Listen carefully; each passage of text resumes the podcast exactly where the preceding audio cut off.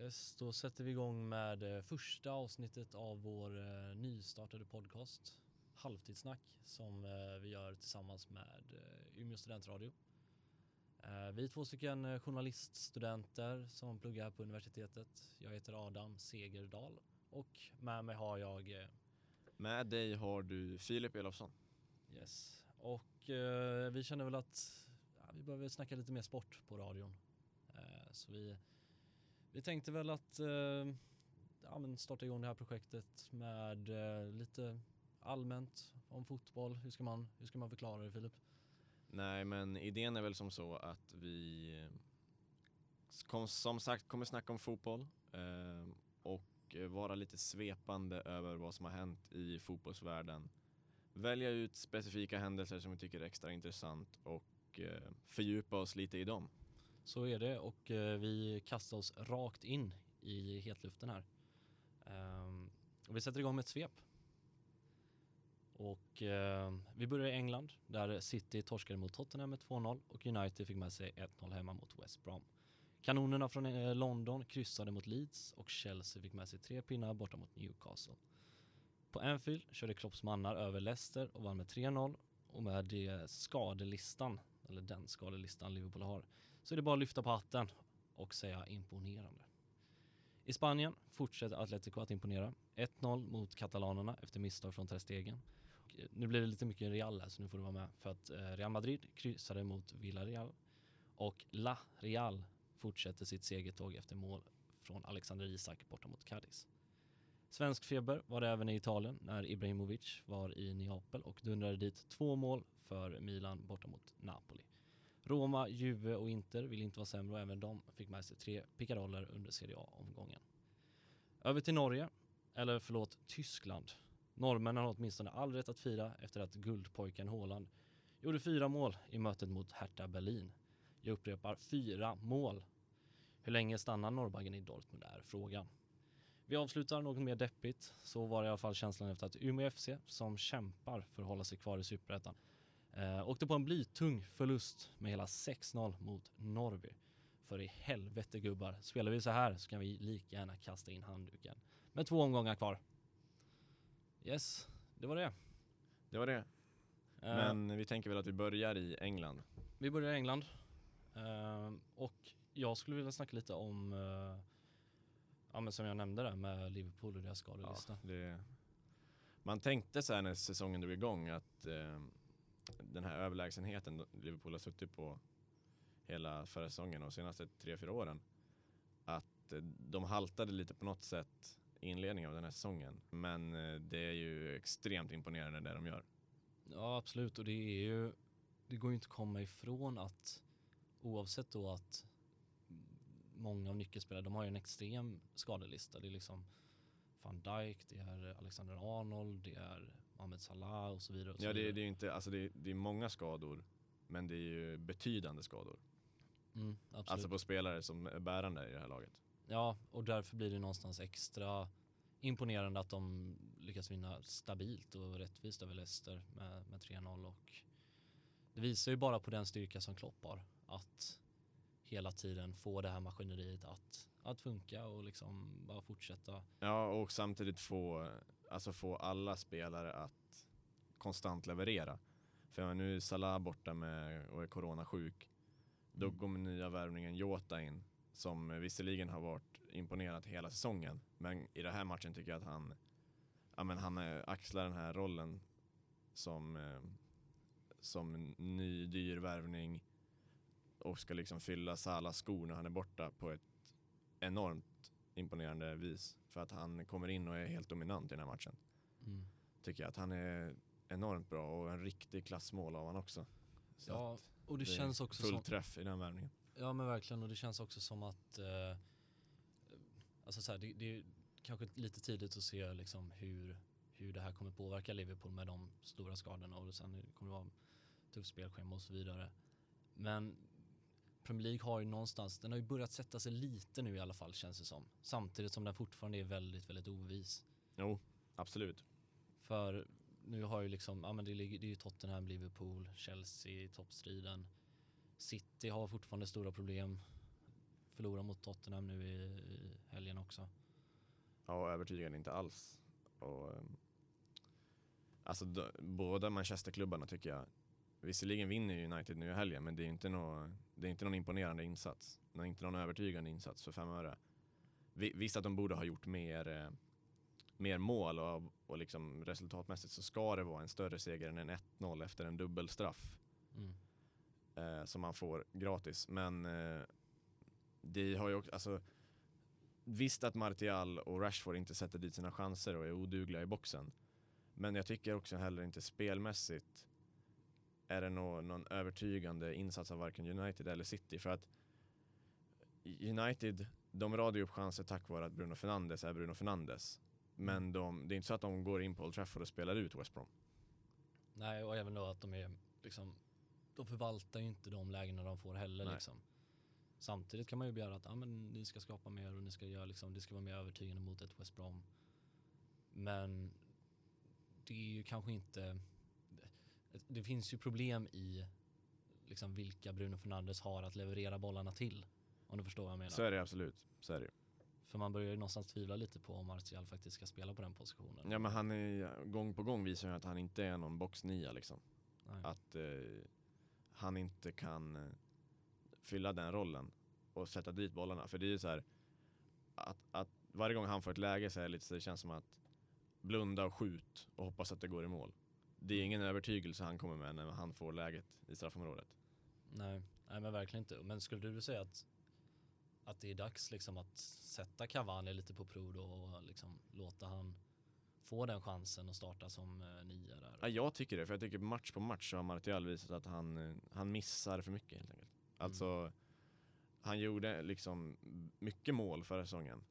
Mm. och mm, mer mål än vad han någonsin tidigare har gjort i United-tröjan. Men för att behålla den rollen som nummer nio, eller som en nia i Manchester United så måste man ju leverera varje vecka. Särskilt när man får de lägena han får gång på gång Mm. och inte kan förvalta dem. Det tycker inte jag är tillräckligt bra. Då tycker jag när man har en spelare som Cavani som man precis har värvat in, sitter på bänken med den erfarenheten och med den kvaliteten man vet att han har. Så ge han, ge han chansen och visa att det finns konkurrens. Mm. Om vi flyttar oss lite från eh, England kanske och eh, tittar till Serie A. För Det lär vi göra. där eh, kan man ju snacka om att Zlatan hade lite show i Neapel. Återigen hade han show. Ja, nu, får, nu är det bara återstå att se här. Jag såg att en månad ungefär räknar de med på den skadan han åkte på där. Ja, det var jävligt olyckligt. Ja men verkligen och det var alltså så himla synd man såg verkligen på alltså när hela situationen hände också att man såg på liksom Zlatans kroppsspråk. Man har ju liksom lärt känna det efter så här många år med att det här, det här var någonting och det här kommer han förmodligen vara borta från under en, liksom en, en viss period. Han kommer vara Ja. borta några matcher. Ja, precis. Sen visste man inte om det skulle vara ja, någon omgång eller en månad eller mer. Ja, och nu visade det sig vara då en, en uh, bristning i baksida låda som, som ställde till det. Ja, tur det inte var värre. Men alltså att han ska gå. Man kan, det är ju olyckligt att det händer nu när han är så pass bra som han är. Mm. Men att han ska, som 39-åring ska gå skadefri genom en hel säsong, det får man heller inte förvänta sig. Så det var ju tur att det bara var en skada på några veckor. Mm, jo men absolut. Men vad har vi liksom att, snacka? Vi måste ju prata mer om det här med Zlatan känner jag. För att det, det är ändå någonting som eh, så här, man, man har ju pratat länge om att men han har lyft hela, hela Milan och man ser på äh, övriga spelare i Milan att de, de trivs verkligen på planen och liksom jag ser bara typ Theo Nandes, han, liksom, han och Zlatan har ju hittat någon fin kemi där och Hakan Chakanoglu eh, lika så. Ehm, men jag tycker framförallt att någonting som är utmärkt, han, han har ju sån himla storhet i straffområdet Zlatan.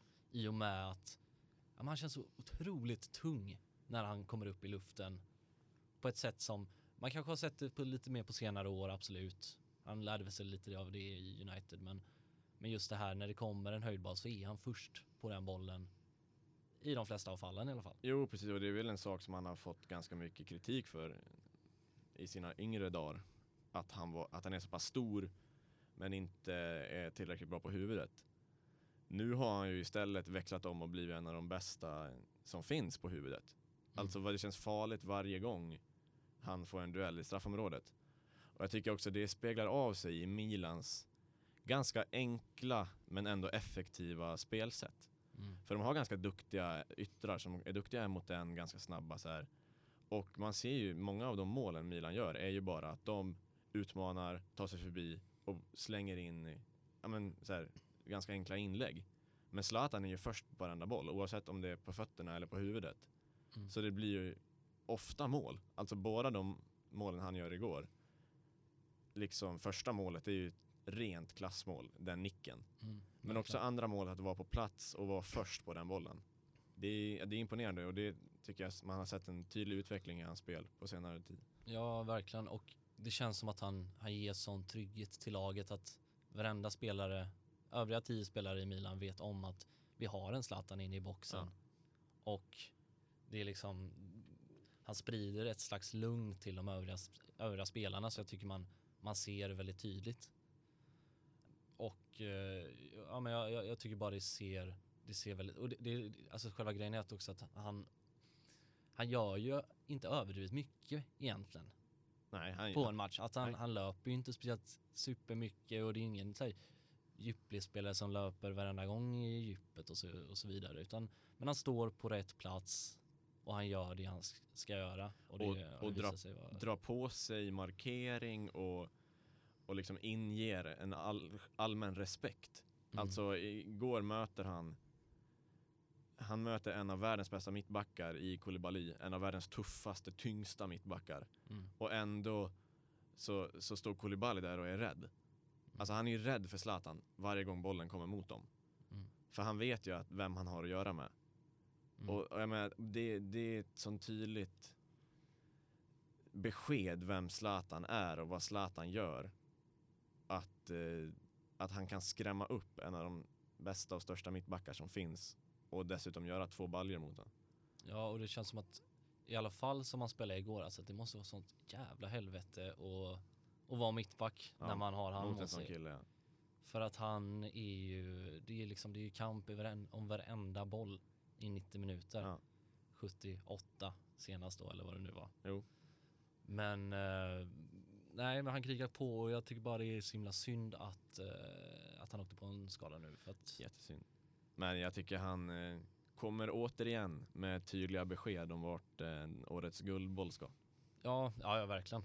Men också det här, om vi pratar lite Milan, att nu känns det som att Alltså så här, man, man tittar på de första omgångarna och det gick bra för Milan och man tänker att ja men de har, en, de har ett bra flow nu men det kommer väl någonstans brista ganska snart. Men nu känns det ändå som att man någonstans kan ändå börja diskutera lite Mm.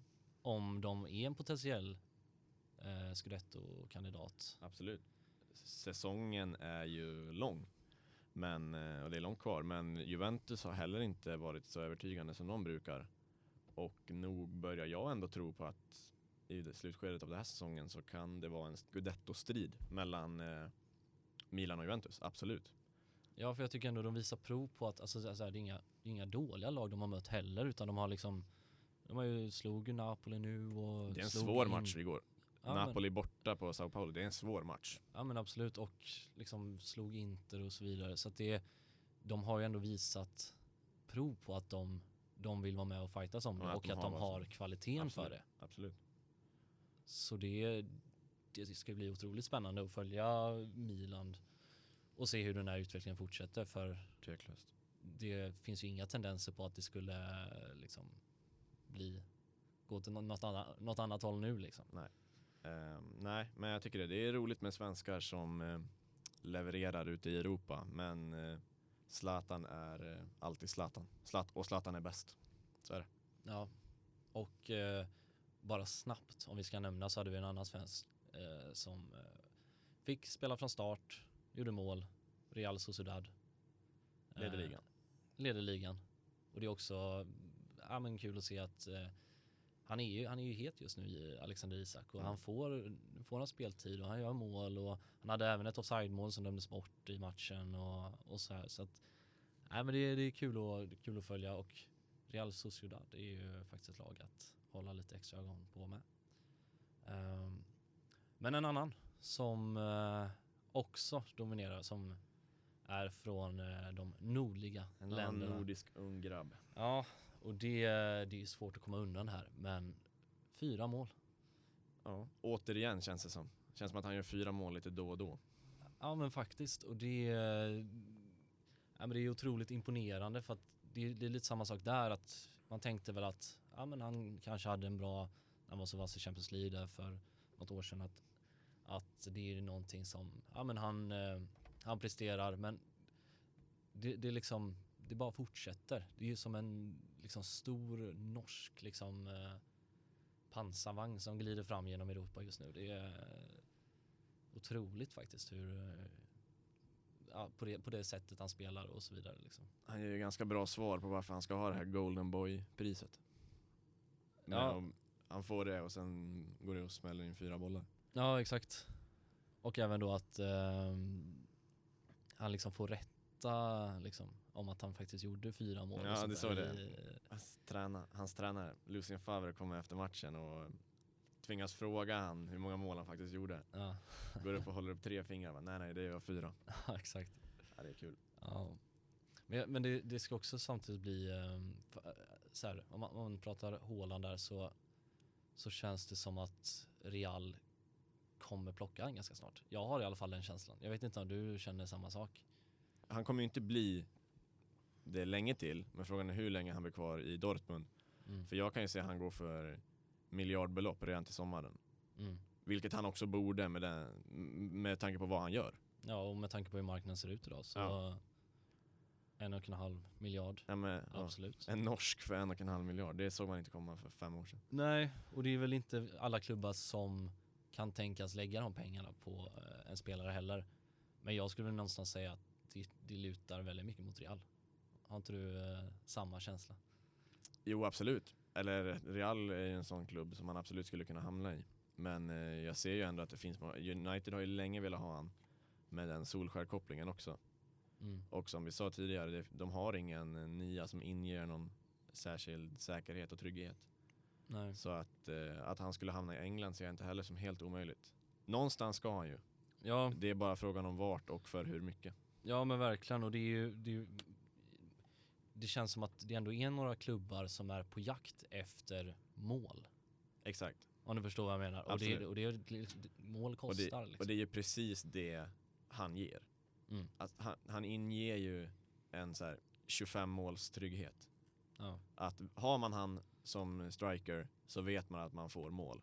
Ja, och då är, kan ju någonstans hamna upp till honom, eh, även Mino Raiola som är hans agent, att se vad som är nästa steg för honom också. Mm. För att visst att United skulle kunna hosta upp de pengarna för honom, det är ju inte en hel omöjlighet, men frågan är om han själv skulle vilja gå Nej. dit. Det vet man inte, de har ju inte samma dragningskraft. Medan jag ändå kan se, och det är därför jag ändå slår ett slag för Real Madrid, för att de är också på jakt Ja. efter en målskytt. Och Ja. de har pengarna och de har även, alltså så här, de har även den platsen i Europa som, ja men det skulle kunna vara ett, ett naturligt nästa steg för honom. Och ett bra nästa steg för honom också. Att komma upp på den absoluta världstoppen. Och han håller ju uppenbarligen den klassen. Så att, Ja, och Real behöver väl någonstans en sån spelartyp och en sån stjärna kanske. absolut. Hazard har ju inte levererat om man säger så. Nej. Inte enbart hans fel då med tanke på alla skador och så men Nej, en, nej men precis. en Galactico till Real. Det är kanske dags. Ja, men precis. En Nej. till. Nej, men det blir intressant att följa. Eh, men nu så får vi ju snacka lite mer lokalt här. För att, eh, Ja, tyvärr får vi lov att göra. Ja men lite så. Det är lite vemodigt som man, eh, som man pratar om det här nu. För det, är- det är så här att Umeå FC kämpar om eh, att hålla sig kvar i Superettan. Eh, och det här var ju då en, ja men lite av en måste-match mot Norrby. I alla fall att det var ju potentiellt att man, där skulle, skulle man kunna ta tre poäng. Ja, ja, man måste ta tre poäng. Ja, I, inte matematiskt måste, men att eh, man ska vinna den matchen för att hålla sig kvar. Det var av största vikt. All, hur Ja. som helst. Och så går man då ut, förlorar med 6-0. Eh, jag såg intervjun efter att eh, Dylan Ismail, eh, han liksom stod ju bara och bad om ursäkt egentligen. Ja. Och det är väl någonstans så man får göra i det läget. Absolut. Alltså jag tänkte det direkt efter matchen. Visst, om man om man tar en sån här torsk, så, med de bekymmer man haft tidigare tänker jag på då. Om man tar en här torsk mot, det blir 6-0 mot Degerfors kanske. Mm. Och när du har 10 coronasmittade i truppen. Det är en sak, det kan, det kan ändå vara förklarligt liksom. Men att gå ut i en sån här måste-match och ta en eh, 6-0 torsk, Mm. är det, då, då, då har man ingenting i Superettan att göra. Nej, och alltså så här, någonstans måste man ju också jag, jag, jag kan tycka att det är lite märkligt dock att man går ändå ut och vinner mot GIF Sundsvall Mm. omgången innan. Och sen åker man då och förlorar med 6-0 mot Norrby. Det känns som att, alltså håller du med mig om det här att det känns som att Umeå FC har ganska tydligt spel hur de vill spela. Brian är ju ganska så här, ja men det känns som att han har satt Ja. upp en väldigt tydlig spelplan och de följer den match ut och match in. Och ibland så funkar den ja, men ganska bra liksom. Det kan leda till en, ett kryss, ibland leder det till en vinst. För att de vill spela sin fotboll. Men i vissa fall så bara liksom det klappar igen och det blir liksom mål på mål på mål i, i baken istället liksom. Ja, absolut, men jag, jag tycker också den här tydliga spelidén du pratar om, Mm. att den, att den kör ihop sig ibland. Det, ser, det känns som att spelarna inte har tillräckligt med frihet att bara få göra, utan det är så mycket riskminimering att man kör fast istället för att köra på, om du förstår vad jag menar. Mm. Att när man väl kommer fram till sista tredjedelen, för det är det som har bekymret, spelmässigt har det varit ganska jämnt i många matcher fram till sista tredjedelen åt båda håll. För försvarsspelet har inte varit tillräckligt bra heller, men framförallt har anfallsspelet blivit alldeles för tafatt många gånger när man har kommit fram till situationer där man ska skapa lägen. Mm. Att, eh, in, jag vet inte om det här är liksom energin i spelartruppen eller om det är direktiv från tränarna. Att, för jag tycker det ser ut som att man hela tiden vill eh, riskminimera så pass mycket att man kör fast, tvingas göra om och så blir det ingenting istället för att ibland bara köra och liksom försöka skicka in bollen i boxen eller ta ett avslut eller dribbla den här killen eller sådär. Mm. Och jag tycker särskilt nu de här sista matcherna där allt står på spel så är det bara att gasa. Ja. Alltså vad, har man att förlora? Lite så tänker jag. Mm. Och det kanske var det de gjorde fast det gick åt totalt motsatt håll. Jag vet inte, men jag blir också lite så här att det, det, det känns så himla vanligt att tränare står och pratar, ja vi ska spela vårt spel, liksom vi har en tydlig spelplan, den ska vi följa.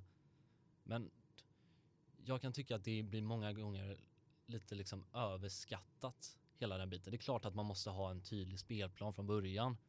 Och det är klart att man ska följa sitt spel. Det är, det är, liksom, det är, det är en grund liksom. Men grundtanken måste ju också ibland, alltså så här, man måste ju också kunna anpassa sig efter andra lag. Spelar de, vill de ha ett spel där de håller mycket i bollen och så, och så möter de ett lag som är bättre på att hålla i bollen än vad Umeå är. Då är det ju inte konstigt att man förlorar, tänker jag. Nej, nej, och sen får man inte glömma bort att när en spelare inte funkar så måste man också någonstans gå tillbaka till själva grunderna i fotboll. Mm. Att eh, när, när det inte funkar, när, när, det, när det kör fast, gå tillbaka till grunderna, vinn din duell, ta jobbet, gör det enkelt. Och det gör man ju, det har man ju på, eller i den här matchen mot Norrby, det gör man ju inte alls. Man förlorar varenda duell, man tar inte jobbet, det finns ingen glöd, man slår bort passningar och ingenting funkar. Och då, då lär man ha, ha liksom pondusen att gå tillbaka till grunderna och ta tag i det här så att säga. Mm. För att eh, det hackar för mycket för att man ska komma någon vart. Mm. Och det är klart att man måste ha, man, det är klart att man måste ha en plan B. Men samtidigt så vill jag ändå så här, man måste kunna anpassa sig lite mer efter sitt motstånd också. Ja. Och det, det är ju en, blir ju på ett sätt en tränarfråga. Jag vet inte hur energin, om det är liksom var problemet ligger.